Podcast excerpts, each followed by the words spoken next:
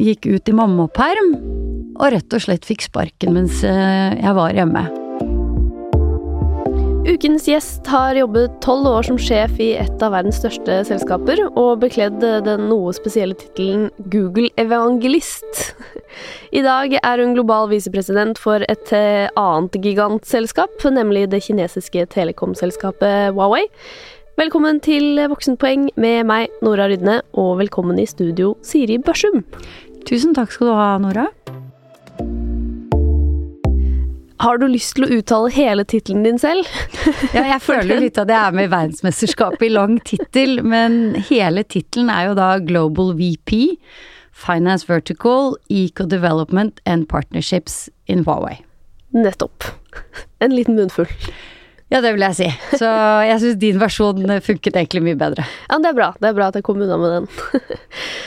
Er du klar for eh, tre kjappe, Siri? Det er jeg. Hva er det beste du har gjort for karrieren? Det er faktisk å ta masteren min. Og eh, det er ikke bare fordi det er fint å ha en master og ha en utdannelse, men det er rett og slett fordi eh, Hvis jeg tar tilbake, da, så var jeg veldig keen på å begynne å jobbe etter eh, jeg var ferdig med, med bacheloren. Var lei å sitte oppe i de skolebøkene og du vet, keen på å tjene litt penger. Um, og så sa min far til meg at Siri, hvis du tar, går rett på master, så skal eh, jeg støtte deg økonomisk. Hvis ikke får du ikke en krone. og det er klart at da var det valget veldig lett å ta. Um, og jeg tenkte vel kanskje ikke så mye over det før den dagen Jan Grønbekk ringte meg uh, og spurte om jeg var interessert i uh, potensielt å, å, gå i prosess med Google. For da var et av de spørsmålene før vi begynte, var jo faktisk eh, også det siste spørsmålet, Siri. Har du en master? For på det tidspunktet så ansatte Google bare folk med utdannelse, um, som, og relativt uh, ønsket man en høy utdannelse. Fordi man var opptatt av at læring var en veldig viktig del av forberedelsen til eh, det å begynne å jobbe. For man er opptatt av hvordan at folk skal evne til å ta til seg læring, fordi tre år etter at du begynner, så er det antageligvis ikke den rollen som du begynte i. Så da jeg, da jeg, kunne si ja til det, da sendte jeg en uh, tanke til min far og bare yes! Antakeligvis hadde jeg aldri tatt den masteren vet og gått tilbake og, og, gjort det. Så det er også et råd jeg gir til uh, mange unge som uh, kommer til meg og spør om de burde gjøre det eller ikke. Hva er det beste du har investert penger i? Vel, hvis det kun er liksom kroner og øre man snakker om, så må det være Google-aksjene. Vi jeg kom inn i mm. Google i 2007, og, den veksten har jo vært helt eh, ekstrem. Men, men, for meg personlig eh, så er det nok hytta på Kvitfjell som vi kjøpte for nå 14 år siden. For den har, bare, den har jo brakt så mye glede inn i familien, og så mange fine stunder og, og gode minner. Og så har den sikkert også økt litt i verdi i den perioden. Har du fortsatt Google-aksjer? Det har jeg ikke. Nei, du måtte selge De dem da du De solgte jeg da jeg begynte i Huawei. Hva er det verste du har investert penger i, da? Ja, jeg er egentlig ganske risikoavers av meg som type, så jeg vil egentlig Det høres jo litt rart ut, men jeg har faktisk ikke gjort noen dårlige investeringer. Hm. Men det sier seg jo selv at jeg har ikke tatt veldig stor risiko heller, da. Ehm, men de siste tiden så har jeg faktisk beveget meg bitte lite grann inn på gråmarkedet.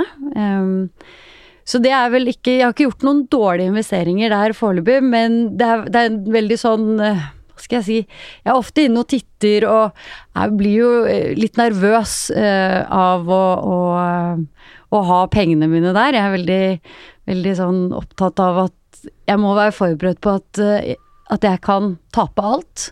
Spesielt når man går inn i risiko. Så der har jeg litt, sett litt på biotek, sett litt på uh, sånn typisk microprocessing, uh, et selskap som heter Asenium, som er konkurrent til Intel.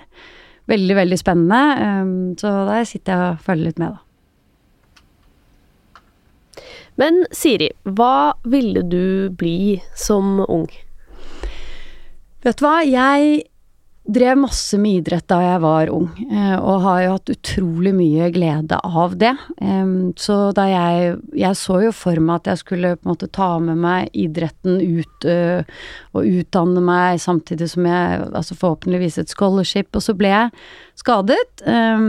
Og mistet litt gnisten etter hvert, og syntes at både gutter og fest og eh, det sosiale var, var mer gøy. Men jeg var jo da veldig opptatt av å være i det miljøet. Ja. For det var jo det jeg hadde gjort og brukt hele livet mitt på til, til jeg Hvilke idretter er det? Det var langrenn Langrenn, ja. og tennis.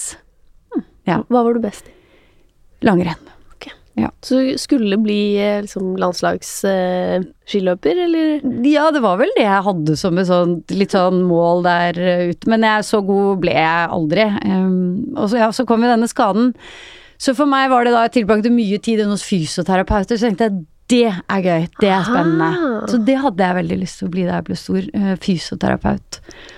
Men det stoppet seg ganske fort, fordi karakterene og de fagene hadde jeg som jeg burde hatt, de hadde jeg selvfølgelig ikke. Så, så jeg la vel det på hylla før det egentlig fikk liksom rot i virkeligheten. Og dette var på videregående mot slutten? Ja. Ja. Så hva, hva endte du på, da? Av studievalg? Ja, der var um, min far er veldig god, for jeg var jo ikke veldig skoleflink. Jeg hadde, jeg slet fælt i, spesielt i starten med liksom lesing og skriving og um, fikk jo, Mine foreldre fikk jo beskjed om at de ikke burde ha så høye forventninger til meg og mitt skolearbeid eh, veldig tidlig. Eh, og da husker jeg min far sa til meg at vet du hva, Siri, eh, du kan få til hva enn du vil, men du må ikke tro at det blir lett. Og det tror jeg har liksom vært med meg hele veien. Da jeg har liksom måttet lese mye og brukt veldig mye tid foran de bøkene. Jeg hadde, liksom, jeg måtte lese samme setning om igjen og om igjen. Og, men det lærer du jo mye av underveis, da. Så han eh, Vi var jo litt opptatt av å prøve å finne noe som kunne passe kle meg som person. Um, og jeg er, utadvendt. eh, Jeg liker å snakke med mennesker. Eh, Så vi reiste faktisk til Edinburgh på en sånn liten turné, um, og besøkte litt skoler. Og da var vi innom og besøkte den nye fagretningen som da het media og kommunikasjon. Det var ganske nytt på den tiden. Som inneholdt alt fra litt so- sosiologi, eh, psykologi, eh, journalistikk, eh, ja, video som sånn helt i starten, litt data. Dette var i 93. Og så fant jeg ut at det, det tror jeg kan være mm, veldig bra for meg. Så da begynte jeg med det. Eh, og angrer jo ikke et sekund. Var der i fire år, i Edinburgh. Det tror jeg er en av Europas fineste byer, faktisk. Bortsett fra været, som kan være litt problematisk. Men en veldig, veldig fin tid hadde jeg der. Og da fant du deg sjæl, da du begynte i, eh, på medier og kommunikasjon? Altså, jeg håper jeg hadde funnet meg sjæl hele veien, men jeg fant i hvert fall noe som passet meg, tror jeg. Mm. Og så var det det at det var så mange forskjellige fagretninger. Det var så, det var så mye forskjellig, så jeg, jeg gikk aldri lei. Eh, og jeg ble veldig glad i eh, den journalistikken, på en måte, underveis i, i det faget. Og så egentlig for meg at jeg skulle bli TV-reporter eh, når jeg var ferdig.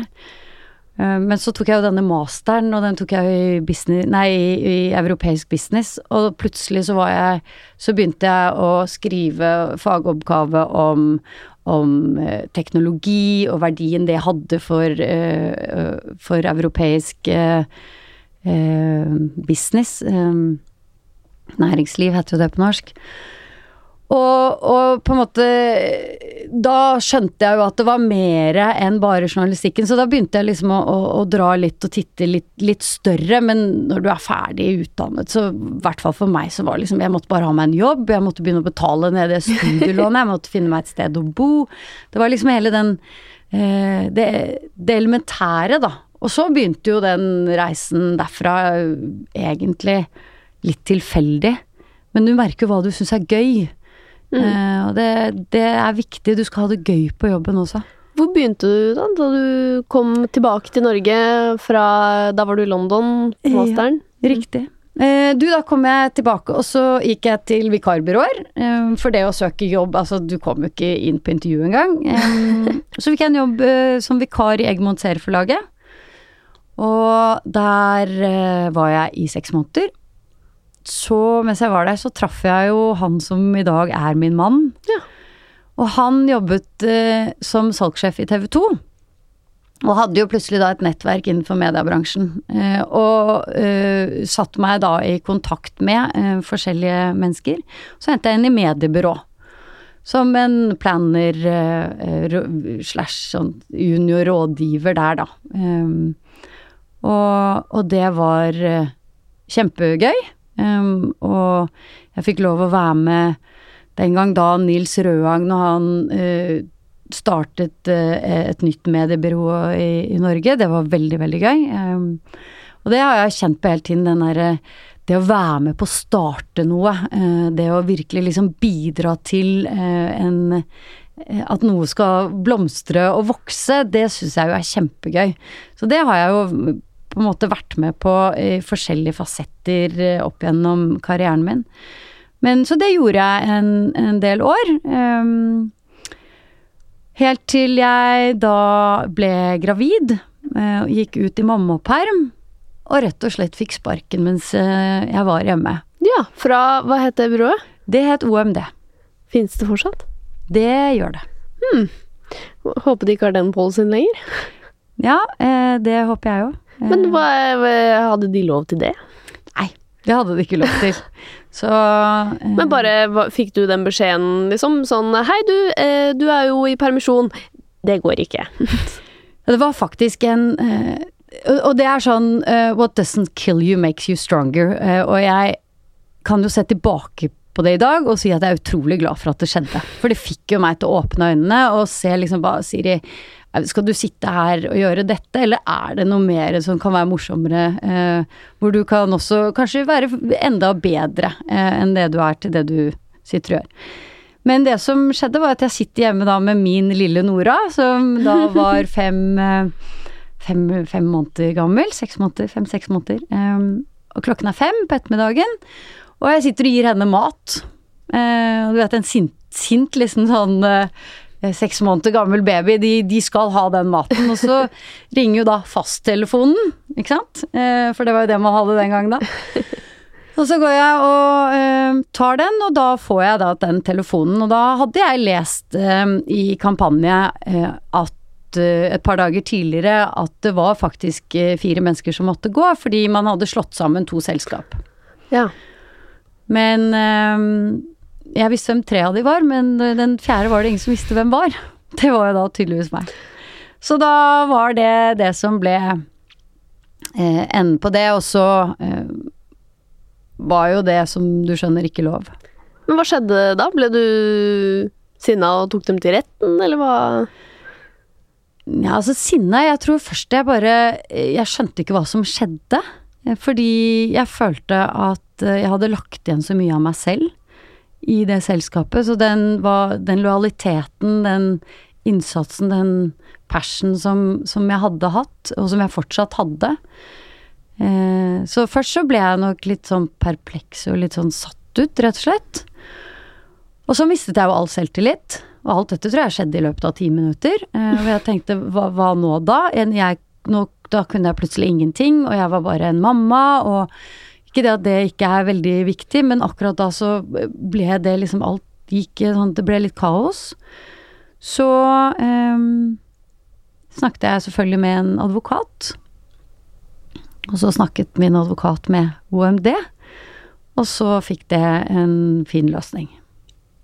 Men jeg fikk jo ikke jobben tilbake, da. Nei, Men, eh, Men du fikk med deg litt penger ut? det gjorde jeg, eh, og, og det var jo fint, det. Og det som var gøy, var jo at eh, det sto jo noen andre mediebyråer og trengte mennesker, så jeg var jo da tilbake i jobb eh, allerede et par uker, tre-fire uker etterpå. Men det betydde jo altså jeg måtte finne en løsning for Nora, som da bare var syv måneder gammel. Og det var jo en veldig sånn Det kjente jeg jo veldig på da, eh, at jeg syntes det var vanskelig. Var dette før pappaperm, eller? Det var vel Man hadde pappaperm, men eh, på den tiden så var det sånn to uker pluss fire uker. Men de fire ukene de var jo lagt opp til at de skulle skje når eh, jeg skulle ut da etter ni måneder, da. Ja. Så den fleksibiliteten den var jo ikke der akkurat da. Så vi fant en veldig fin løsning, og eh, jeg angrer ikke på det valget i dag. Og da ble det Radio 24, Nei, var det? da begynte jeg i Mediacom. Mediacom. øh, Og var der og hadde det utrolig fint der. Og så kjente jeg litt grann på den derre Er det dette jeg skal gjøre når jeg blir stor? Det, det, bor, det er mer her. Fordi Hvor gammel var du på det tidspunktet? Ja, jeg var, hva var jeg? jeg var 27 da jeg fikk eh, Nora. eh, og, og da var jo hun da Ja, så jeg nærmet meg vel 28 da. Ja. Så jeg var jo fortsatt ung. Men, eh, men jeg valgte å ta en sånn personlighetstest gjennom noe som het Katrine Juel. eh, og den slo veldig ut på salg. Ja. Ja. Eh, og det er jo noe jeg har tenkt på mye i ettertid, fordi at eh, når du da jobbet i mediebyrå, så var liksom det de selgerne Man så liksom litt ned på de selgerne. Og så i ettertid, når jeg begynte å jobbe med salg selv, og gikk da til Kanal 24, så, så bare- Kanal 24 var det, ja. Ja. Sorry. Eh, nei, det er helt fair.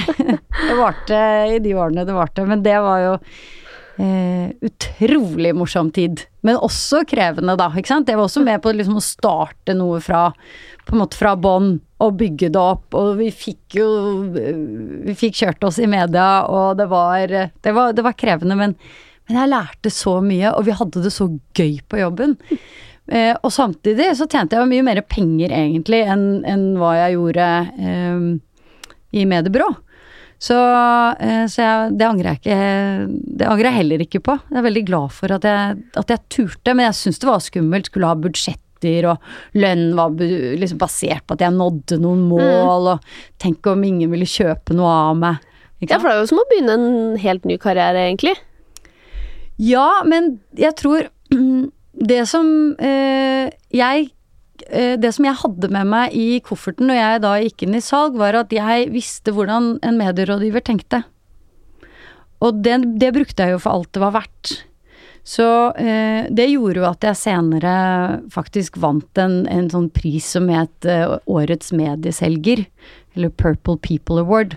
Eh, med, altså, eh, eh, skal vi se, det var Senit, eh, som var et Ja. byrå som hadde denne Purple People Award, da.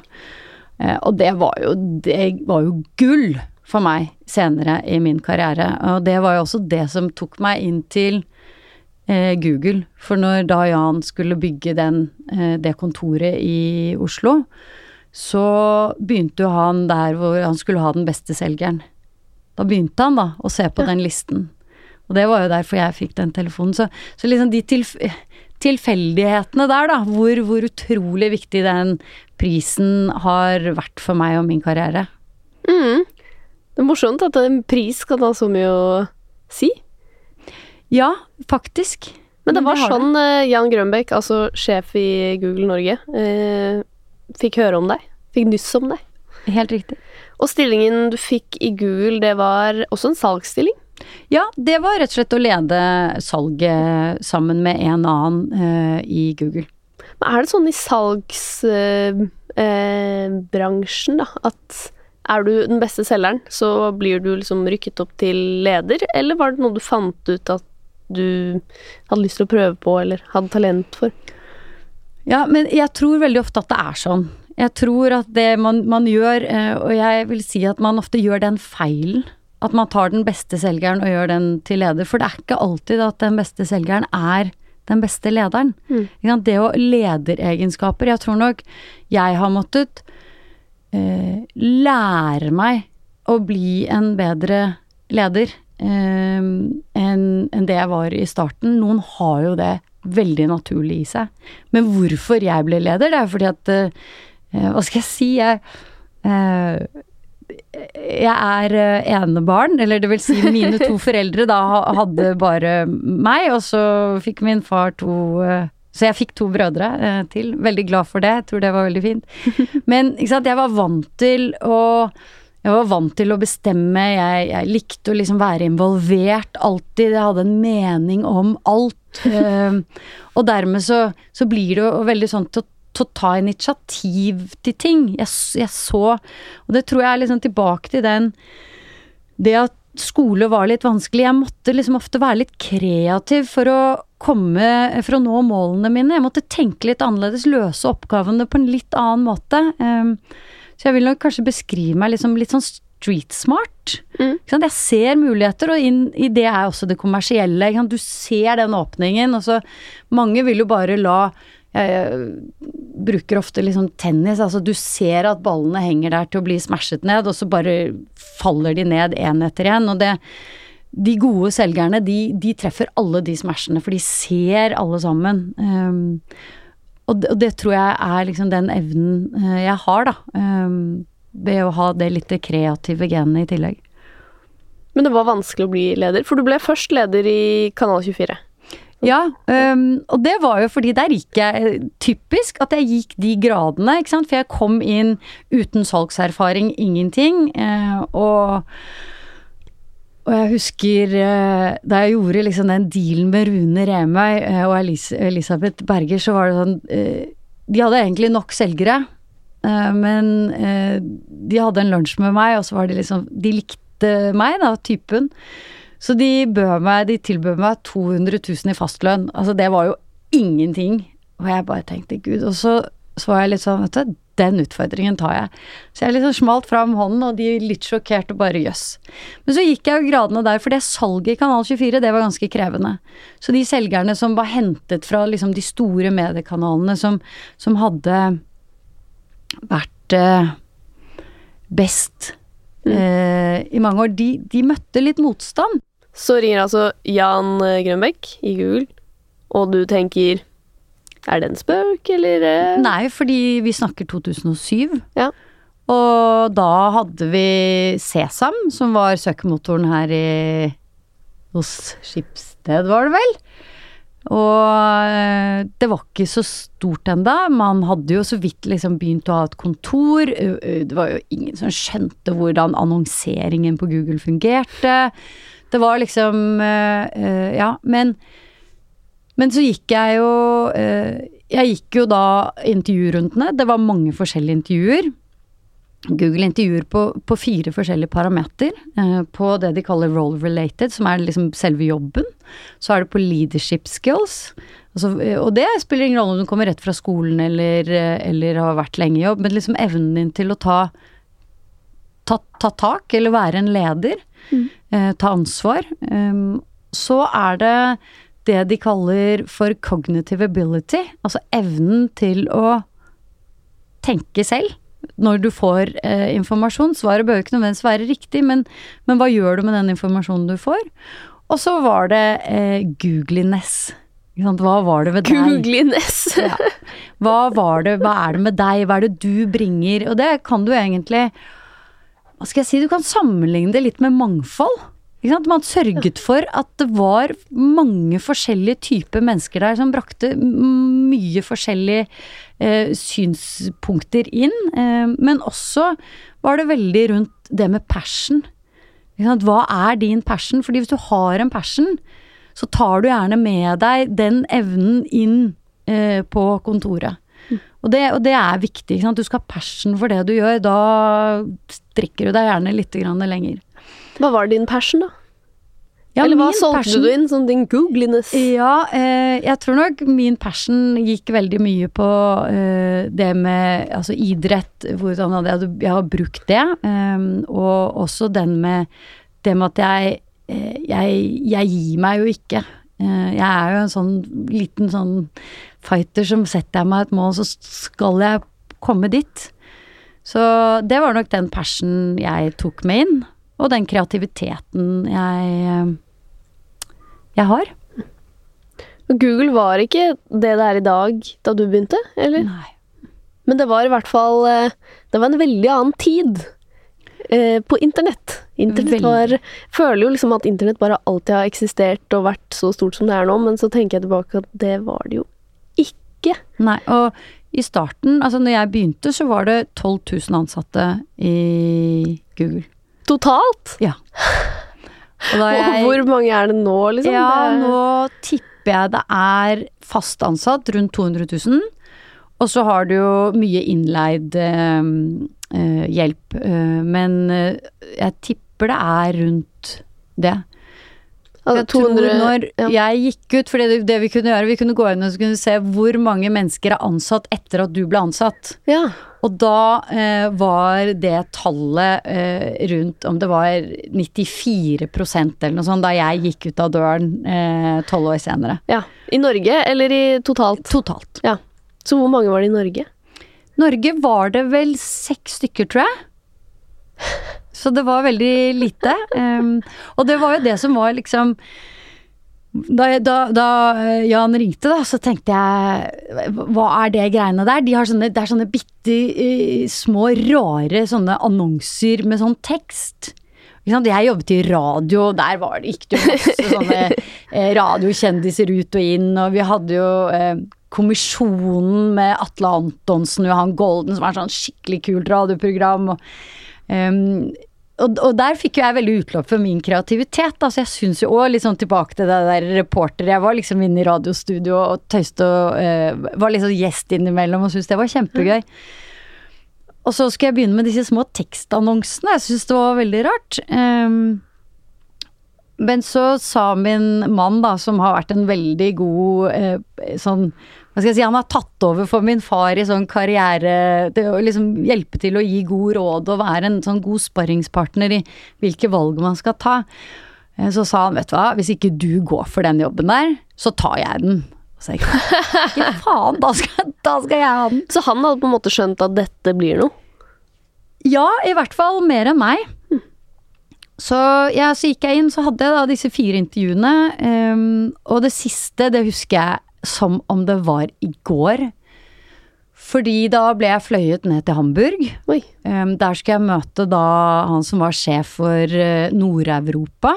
En tysk uh, Philip Schindler, han kom fra Coca-Cola, var sånn, Oh. du vet, sånn Wonderboy i businessverden. Um, jeg flyr inn, og det var rett etter påske.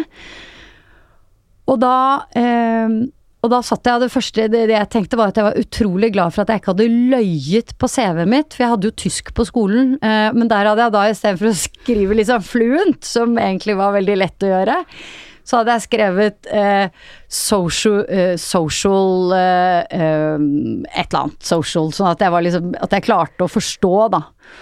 Så kommer han inn, og så begynner han liksom på tysk, og da kunne jeg bare Guten Tag, Schweizer Siri, liksom, og det var det, så var vi ferdig med det. Eh, Men han kommer 20 minutter for sent, Oi.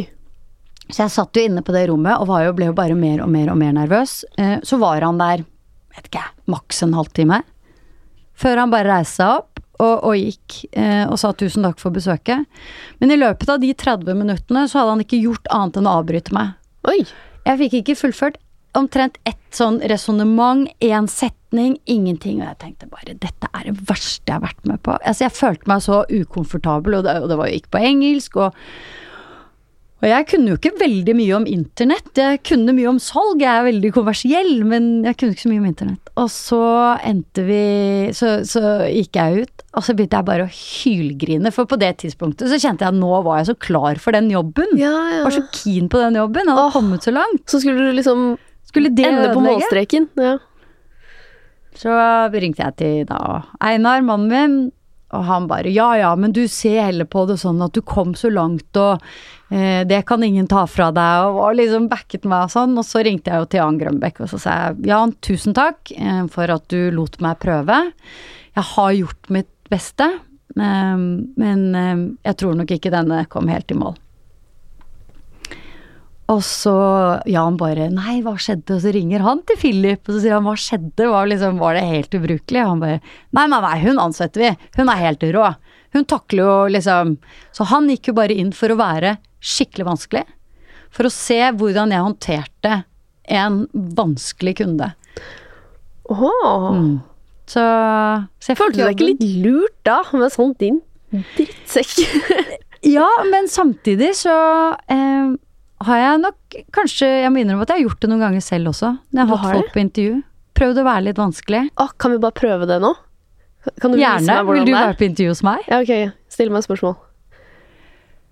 Nora, veldig hyggelig at du har kommet hit i dag. Ehm, Kan vi bare begynne med, hvordan har du forberedt deg til eh, dette intervjuet? Ah, Jeg har jo lest veldig mye om eh, verdiene deres, eh, sett på om det stemmer overens med meg og det jeg er Hva fant du ut at det passet der? Eh, Nei, jeg er veldig fornøyd med eh, hvordan dere er som selskap. Syns Hva er det du er fornøyd med? meg. Eh, hvordan dere er sånn fremoverlente og Hvilke kilder er det du har tittet på når du har funnet frem dette? ja, jeg har snakket med folk og vært på internett, da. Ja, så Internett. kan vi, og sånn kan vi holde på. Ok, så det er bare sånn.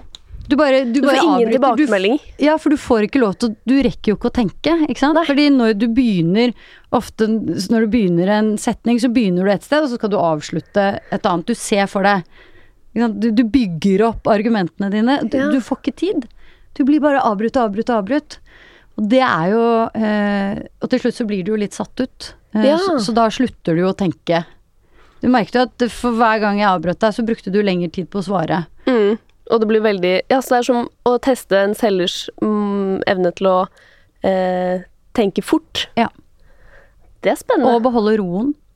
Men sier du det etterpå, når du har intervjuet folk på den måten? At sånn Det var en test. Ja. Jeg pleier å starte intervjuet med å fortelle at jeg kommer til å være litt vanskelig. Ja. Sånn at de er forberedt eh, på det. Så det var det Google som starta med. Det vet jeg ikke, men eh, jeg lærte det i hvert fall eh, jeg, Men jeg gjør det ikke hver gang, fordi et intervju sant? Det viktige med et intervju er jo ikke bare at det er arbeidsgiver som skal intervjue arbeidstaker.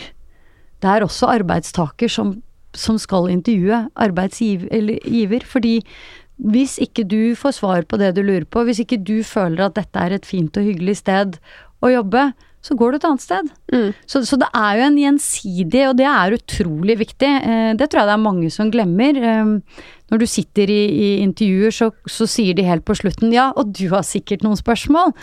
Og så blir jeg sånn ja, men nå er det fire minutter igjen.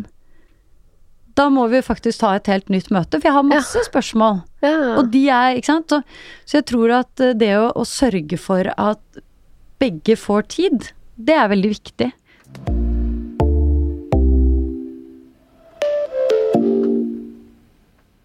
Hvordan ble du Google-evangelist? For du begynte jo da altså som salgssjef. Ja. Eh, hva, er, hva er en Google-evangelist, og hvordan ble du det? Jeg Skal vi ta hvordan jeg ble det først, så kan jeg fortelle hva det er etterpå. Ja. um, det Jeg hadde jo vært der i mange år, og du gjør jo Selv om alt utviklet seg, så, så kjenner du jo på en lyst til å gjøre mer, gjøre noe annet. Eh, og det var jo det som var kult med Google, eh, at det er et stort internasjonalt selskap. sånn at jeg så jo veldig på det å reise ut, eh, og fikk jo muligheten til å reise og lede det som var performance-businessen til Google i Dubai. Mm. Og eh, det eh, varte og rakk helt til vi var over, og jeg hadde på en måte forhandlet frem avtalen, og alt var greit, hvor eh, min mann bare sa Siri, dette går ikke, ass. Jeg kan ikke bo her. Han var for glad i skog og mark og det norske og de verdiene som vi har i Norge, da. Em, og det var veldig tungt, og det syns jeg var veldig tøft. Eh, men du gifter deg, og det er gode og onde dager, og så tenkte jeg ok, den, eh, det skal gå, men, men jeg ga meg jo på en måte ikke med det. Jeg var veldig nysgjerrig og veldig sulten på å gjøre noe annet, og det å på en måte komme meg ut. Du har lyst til å oppleve det. For det, det er liksom en av grunnene til at du jobber i et internasjonalt selskap, at du skal liksom få lov å se mer av verden. Så, eh, og dette visste jo Jan, for dette hadde vi snakket mye om. eh, Så han får nyss i at man har startet eh, i i Google i Silicon Valley et, et, det man kalte et partnerplex. Altså rett og slett der hvor du tar imot, for det er så mange som ville komme dit og høre hva er det siste, hva tenker Google, hvordan skal vi jobbe med teknologi fremover, osv. Så, videre. Så um, der hadde man da satt i gang et uh, program um, hvor uh, man da kunne komme og jobbe. Uh, og da bli Google Evangelist. Så da søkte jeg på den. Gikk gjennom masse runder med intervjuer. Og fikk jobben, og fikk beskjed om at du begynner om tre uker. og da gjør man Holder foredrag og liksom blir Google? Sprer det glade budskap? Eh, ja, det er faktisk det du gjør. Du blir litt en sånn tech-evangelist, da. Altså hva, hvordan kan teknologi bidra til at du uh, får et, rett og slett et, et fortrinn innenfor det du jobber med.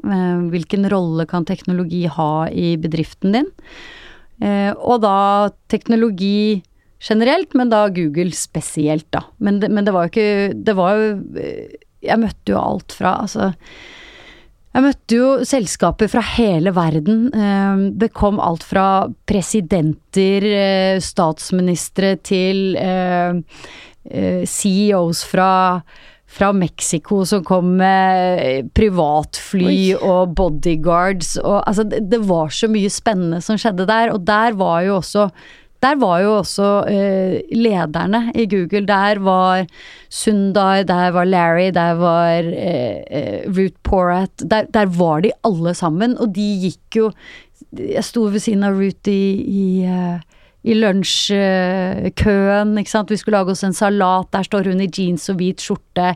Så hun spør meg om jeg har smakt på den og den dressingen, ikke sant. Altså, jeg hadde jo uh, jeg, jeg, fikk jo muligheten til å møte og snakke med så utrolig mange flinke mennesker. Um, og det er vel kanskje det som kjennetegner det selskapet. Det er jo alle de flinke, fine menneskene som jobbet der. Men du bodde ikke der? Bare... Jeg bodde der i tre måneder. Ja, men Bare tre måneder? Ja. Okay. Jeg dro fra mannen og min lille Nora, da. Eller jo, da gikk hun vel i åttende. Um, og så dro jeg og var der borte i tre måneder. Så det var et kort oppdrag? Jeg kunne vært ja. der i et halvt år, men tre måneder borte fra familien, det var, eh, det var nok. Ja. Og, jeg hadde, og, jeg fikk også veldig Jeg ble jo så motivert. Så når jeg kom hjem, så, så gikk jeg jo til Jan og så sa jeg eh, dette må vi gjøre i Norge. Så lagde jeg jo mm. min egen rolle eh, som eh, leder for digital transformasjon eh, i Norge. Hvordan går en eh, Google-evangelist til et annet selskap? Jeg gikk jo ut av den døren uten å ha noe å gå til. Og det var som et eh, motsatt svangerskap, egentlig. Første gangen jeg tenkte tanken, så eh, da Jeg fikk så vondt i magen at jeg tenkte det går ikke. Men samtidig så var det noe med at jeg følte at jeg skyldte meg selv å gå ut og bli eh, utfordret på nytt. Eh, jeg skyldte meg selv å ta den kompetansen og det jeg hadde lært, eh, og overføre den videre. Eh, og jeg vet ikke om Men jeg ble litt fat and happy. Skjønner du? Altså, det var litt sånn Jeg mistet den derre Den siste gløden, den derre hvor jeg la inn det bitte lille siste ekstra. Så jeg, jeg var litt sånn jeg, jeg måtte Jeg skyldte meg selv å gjøre det. Og så merket jeg jo at det å gå og søke etter eh, jobb eh, For det første så er det ikke så mange av de jobbene som sant? Det, er ikke så mange jobber eh, som var kanskje det jeg drømte om. Det er ikke så mange av dem. Så det å søke på jobb mens du går på jobb, det er ganske krevende. Jeg merket at jeg fikk liksom ikke nok fokus på det, da. Um, så da tenkte jeg ok, Siri du er i din beste alder, du har masse ledererfaring, du, eh, du kan teknologi, og du er kvinne. Altså, det, da, det, kan da ikke være noe bedre tidspunkt å gå ut av den døren enn nå. Så jobbet jeg lenge med meg selv eh, på det. Og igjen så var jo Einar der og backet meg big time og bare 'Det her får vi til', og jeg stoler Jeg er 100 sikker på at dette kommer til å gå bra. Jeg var ikke det selv. Eh, så jeg går ut av den døren. Og den første måneden var helt fantastisk. Altså jeg drakk, jeg drakk mye kaffe, og jeg møtte så mye bra mennesker. Det var så mye kult som Det er så mye kult og spennende som skjer i Norge. Så det var veldig, veldig gøy. Um, helt til jeg fikk prolaps.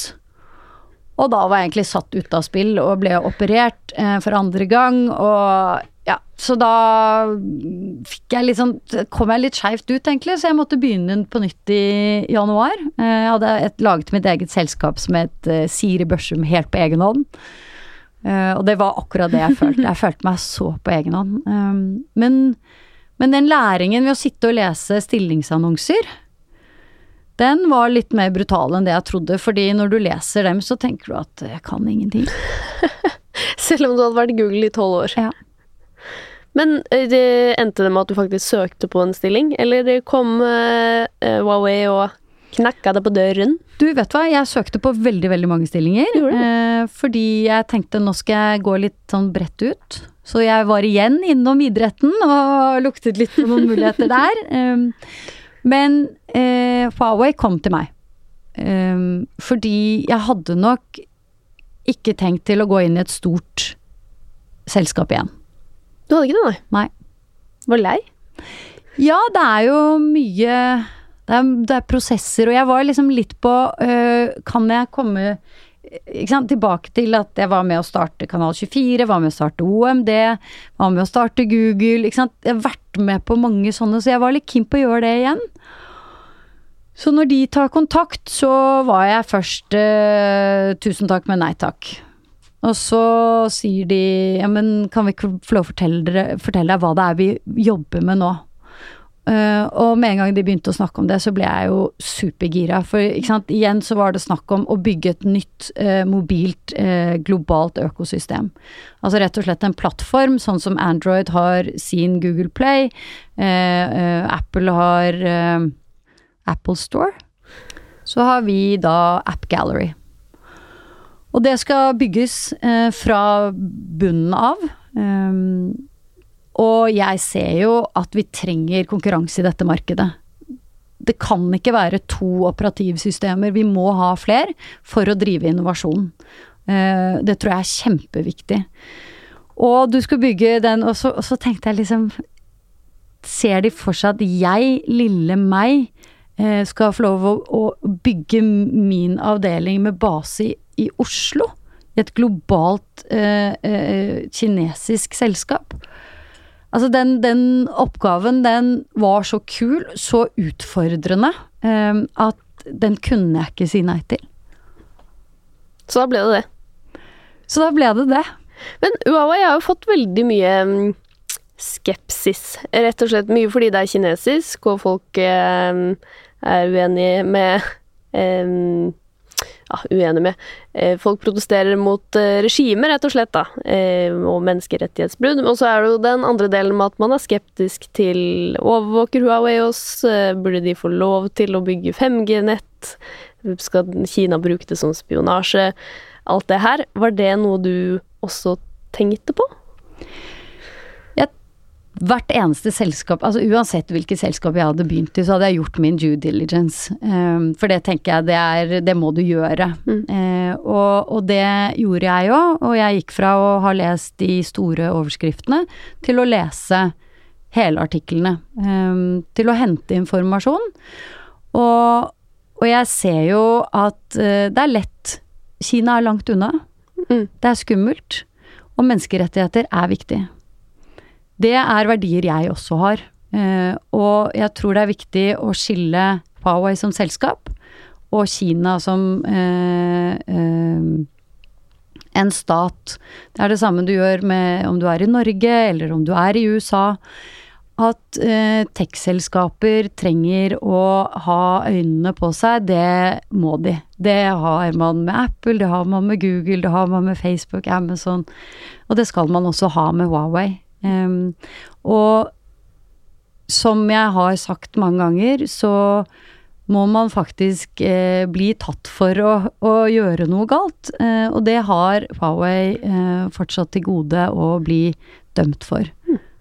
Hva er du redd for at det skal skje, da?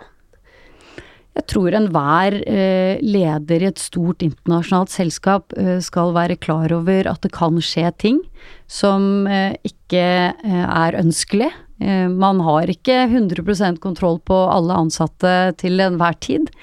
Men jeg er per i dag ikke bekymret for det. Det er klart, hvis jeg skulle se at Huawei ikke eh, opprettholder de lover og regler de skal følge i de landene vi er, så vil jo jeg bruke min stemme for å sørge for at det budskapet kommer frem. Og det, og, det, tror jeg er viktig at man har fokus på at det er trygge og, og, og ordnede former. Hm. Ser du noen forskjell på liksom arbeidskultur? Er det, måtte du på en måte legge om lederstilen din ettersom du gikk fra et amerikansk selskap til et kinesisk selskap? Ja, jeg har nok lagt om stilen min eh, noe. Google var veldig eh, det var, var, veldig mye feedback. Man brukte veldig mye tid på det. Eh, I Huawei så gjør du også det, men, men kanskje på eh, en litt annen eh, måte. Ehm, så, så, det var kanskje Og så er jeg nok mye mer nå Styrer nok mye mer på KPI-ene. Eh, veldig tydelig på KPI, veldig på å nå eh, de målene vi har satt oss og fokuserer nok enda mer i Google, så var jeg nok involvert i mye mer enn det som akkurat var jobben min. Eh, for det var også kulturen og filosofien, at du skulle kunne bruke 20% av tiden din på andre ting. Um, I Huawei er, vi, er, det mye mer rett på sak. Men dette med Du nevnte jo at du også jo har norske arbeidsverdier og, og, menneskerettighetsverdier. Føler du på en måte at du kan påvirke noe som leder i Huawei, eller er det litt sånn at du bare må tenke dette er selskapet, og så må jeg bare ikke tenke på at det er Kina som Nei, det er eh, absolutt så ser jeg på en av mine oppgaver som å sørge for å, å bringe det budskapet eh, til mine ledere og, og, til de jeg jobber med, og, og, fortelle hvordan ting fungerer i Europa. Spesielt hvordan Sånn gjør vi, eh, sånn gjør vi forhandlinger. De gjør det kanskje på andre måter. Sørge for til enhver tid at man er klar over hvilke lover og regler som, som gjelder. Men jeg opplever jo øh, og har til gode å se at øh, vi, sånn som i Norge, vi er jo veldig norske øh, i, i, hvordan kulturen er på kontoret. Og det er jo, ikke sant Jeg er opptatt av mangfold, og at spesielt, ikke sant, fordi jeg jobber i teknologi og vi har sett at det er utrolig viktig. Eh, så øh, jobber jeg jo nå i et selskap hvor det virkelig er mangfold, for mangfold er jo ikke nødvendigvis bare kjønn. Det er kulturer, det er etnisitet, det er alder, det er hvordan du er oppdratt, det er hvor du har bodd, ikke sant. Det er så mange ting. Eh, og, og, og, og mine kinesiske kollegaer, de er jo så heldige at de får lov til å komme til Europa og jobbe i Europa, og de går på sånn tre måneder rotation. Og det jeg ser, er jo evnen deres til å tilpasse seg, og hvordan de plukker det beste av den norske kulturen, da, de som er i Norge. Og så legger de av seg de tingene som ikke passer inn, og så tar de det beste fra sin kultur. Og det har jeg jo eh, I starten så jobbet jeg mye med sant, her i Norge og ble kjent med selskapet eh, her. Men jeg jobber jo mye med Italia, med Frankrike, med UK, eh, Tyskland. Og jeg ser jo hvordan de kinesiske kollegaene mine har liksom det typisk tyske ved seg, det typisk franske ved seg. Så jeg ser jo hvordan de, de, de adopterer eh, vår kultur. Eh, men tar med seg da, som, som sagt, sin. Og, og det syns jeg er eh, imponerende. Og, og, veldig gøy å jobbe med. Ja. Men du som sjef, som også er veldig opptatt av idrett, blir du liksom irritert over at uh, idrettsutøvere boikotter, og at det er vanskelig med sponsorater og sånn? Eller uh, sover du godt om natten med det? Du, det sover jeg godt om natten med. Eh, det er viktig at folk får lov å gjøre sine, ta sine egne beslutninger og, og avgjørelser. Min jobb må jo være å sørge for at Eh, jeg formidler budskapet vårt, og at eh, det ikke alltid er de store overskriftene som, som er det, det som uh, står igjen som uh, et etterlatt inntrykk. Uh, Huawei er jo medlem av FNs Global Compact and um, Responsible Business Alliance, og tar jo til orde for hvordan teknologi skal brukes for the greater good. Eh, og det, eh, og det, er jo vår oppgave. Vi er utrolig opptatt av at teknologi skal brukes for forbrukerens beste, og ikke for å diskriminere på noen som helst måte. Og det er den jobben vi må gjøre, og sørge for at det eh, ikke skjer. Men det må alle de andre tech-selskapene også gjøre. Og det, det, er litt viktig å være klar over at eh, teknologi er så bra som vi som passer på den. Er det vanskelig for Huawei å på en måte skille seg fra Kina, eller ja, Mye av skepsisen kommer jo mot Huawei fordi de er kinesiske, og ikke nødvendigvis bare fordi de er et teknologiselskap som driver med 5G det er selvfølgelig noe vi, må, vi, tar stilling til og noe vi jobber med hele tiden. Det er jo å sørge for at vi får uh, budskapet ut på hva det er vi gjør og de verdiene det er vi ønsker å skape. Uh, samme som uh, Equinor er nødt til å forholde seg til at olje er, miljø, er en miljøutfordring. Og, og, hver dag så så tenker jeg det er, det er vår jobb å vise at vi gjør det som er riktig, og at vi bruker teknologi. Altså vi skaper det for menneskene som skal bruke den, og the greater good. Siri, vi har jo en spalte her i podkasten, Tabbespalta. Hva er den største tabben du har gjort i karrieren? Ja, jeg har nok sikkert gjort mange, eh, for jeg har gjort mye feil. Um, og det tenker jeg er viktig, for det lærer du av. Eh, men en av de som kanskje sitter sånn dypest i meg, det var mediekonferansen, eller høstkonferansen til Mediaforum i 2016. Da satt jeg i en paneldebatt. Jobbet jo da i Google, og, og, og, Google begynte å ta en ganske stor del av annonsemarkedet. Og det var liksom krig mellom da publishinghusene og, og, og Google. Og da stiller jo han som leder paneldebatten, så sier han sånn Men Børsum, um, du kan vel forstå at uh, Skipsted, og så peker han bort på Christian Haneborg uh, i Skipsted, at, at de syns at dere er skumle. Så svarer jeg ja, selvfølgelig skjønner jeg at de syns at vi er skumle. Det jeg ikke visste, var at det satt en DN-journalist i salen. Så dagen etterpå så var jo overskriften i DN eh, Google topp til Skipsted-direktør. Jeg skjønner at dere synes vi er skumle. Og det gjorde så vondt i magen. Og jeg hadde selvfølgelig ikke snakket med PR, jeg hadde ikke sagt at jeg var der, jeg hadde ikke sagt at jeg satt på noe i paneldebatt. Eh, og den satt, og den fikk jeg selvfølgelig også veldig, veldig mye kommentarer på. Um, og jeg håper jeg har lært av den. Det er Men du fikk kjeft da, i ettertid? Av sjefene? Jeg fikk vel um, ikke kjeft, men de var strenge. Ja. Uh, og så fikk jeg en lang liste over hvordan man forholder seg når man uh, Ikke sant. Det var sånn derre Det er sånn sjekkliste. Når du skal holde foredrag, så må du stille disse spørsmålene. Ja.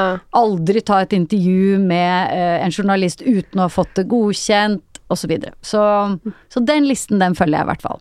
Helt til slutt, eh, Siri. Hvis du kunne reist tilbake i tid og gitt 20 eh, år gamle Siri et råd, hva ville det vært? Det er egentlig ganske enkelt. Det ville vært pick your fights. Ok. Jeg har ment altfor mye om uh, altfor mange ting. Blande meg borti ting. Det er ikke alle kamper som skal vinnes. Det er ikke alle diskusjoner du må vinne. Det er ikke alt du skal blande deg borti. Det, det er nok noen ganger jeg skulle ønske at jeg hadde holdt kjeft. Tusen takk for at du eh, kom hit i dag, Siri Børsum, altså global visepresident i Huawei. Produsent i dag, det var eh, Sunniva Glessing, og hvis du vil lese skoledagboka til eh, Siri og se mye annet innhold, så må du gå og følge oss på Instagram. Der heter vi Voksenpoeng med Nora.